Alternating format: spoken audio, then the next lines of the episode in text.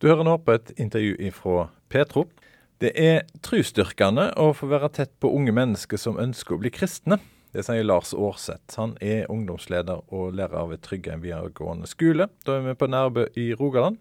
Der skulle de arrangere ei møteveke fra mandag til torsdag. Fire kvelder, altså. Nå er den møteveka forlenga for eh, tredje gang. Og Det betyr altså at eh, de skal møte for fjerde veka på rad. Dette skjer på Tryggheim videregående skole, som er eid av Misjonssambandet. Der går det 520 elever. Og det kommer ca. 100 elever på møtene på kveldstid. Mange ønsker forbund, noen vil bli kristne, og mange gir tilbakemeldinger om at budskapet de får høre er viktig for dem. Det er stort å få være tett på dette, det sier altså Lars Aarseth. Ja, jeg tror vi skal være så frimodige og si at Gud eh, arbeider. Det er et engasjement eh, blant elevene der, eh, som jeg ikke har vært med på eh, i de to og et halvt årene jeg har vært her så langt. Der eh, de både inviterer hverandre, de brenner for eh, at folk skal få høre.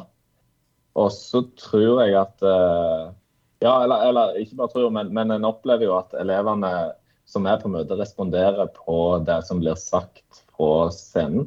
Så det er folk som eh, ønsker forbønn. Folk eh, responderer på at de har lyst til å ta imot Jesus, eller eventuelt starte på nytt i, i livet med han. Eh, så pga. det så, så har, vi, har vi jo forlenga møteuka både én og to ganger, da, og, og nå en tredje. Så, så, det er jo veldig kjekt. Men, men, dette er jo en kristen skole. Hva er grunnen til at elever på en kristen skole blir kristne? Jo, vi har jo et stort antall elever på skolen. Eh, du nevner jo sant, rundt 520.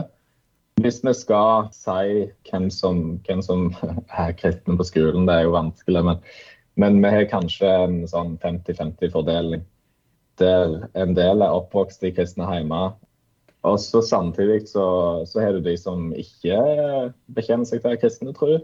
Og sikkert en del som kommer her og som, eh, som ikke helt har funnet ut hvordan de vil stå på egne bein. Og I forbindelse med de møtene her, så er det nok en del som, eh, som har opplevd å bli vekt opp på en sånn måte at de ønsker å stå for noe sjøl. Eh, de ønsker å ta et standpunkt og, og bekjenne den kristne troen som de gjerne er vokst opp i, men, men, men ønsker å ta et, et eget standpunkt for det. Nå er du kristendomslærer på, på Tryggheim videregående skole. Det er jo, som det heter i ordet, en kristen skole. Dette her at eh, det nå blir eh, forlenga en møteserie som egentlig skulle vare ei uke, den ble forlenga nå. Skal begynne på den fjerde uka med møte. Overrasker det deg at dette skjer nå? Ja, det gjør jo det.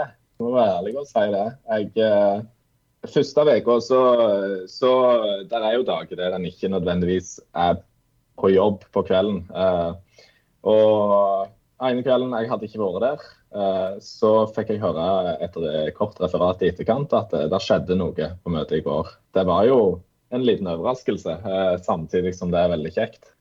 Dette har jo vært et, eh, et bønneemne blant eh, ja, egentlig spesielt blant eh, elever som, som jevnlig ber om vekkelse og fornyelse på Tryggheim.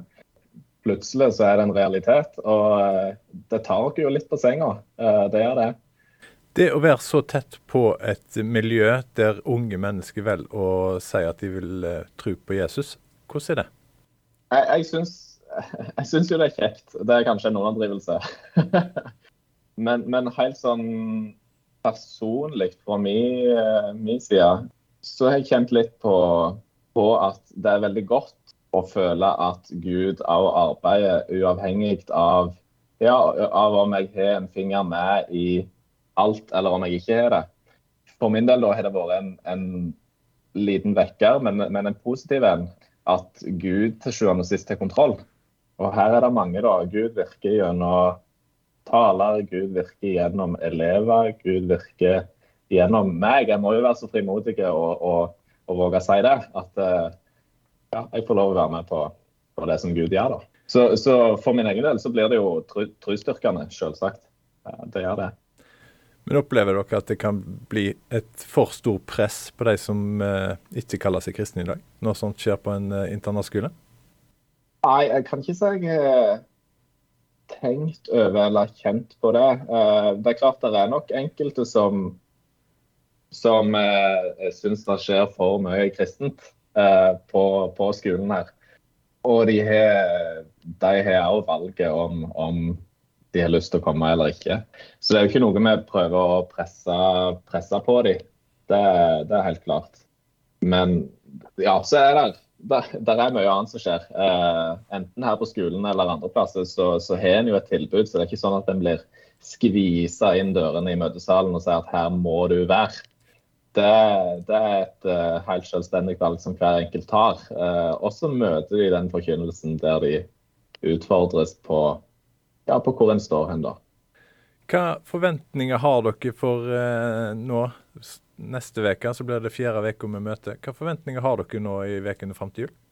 Vil dere, Forventer dere at flere skal velge å, bli, eh, å tro på Jesus? Ja, det, det, det må vi våge å forvente.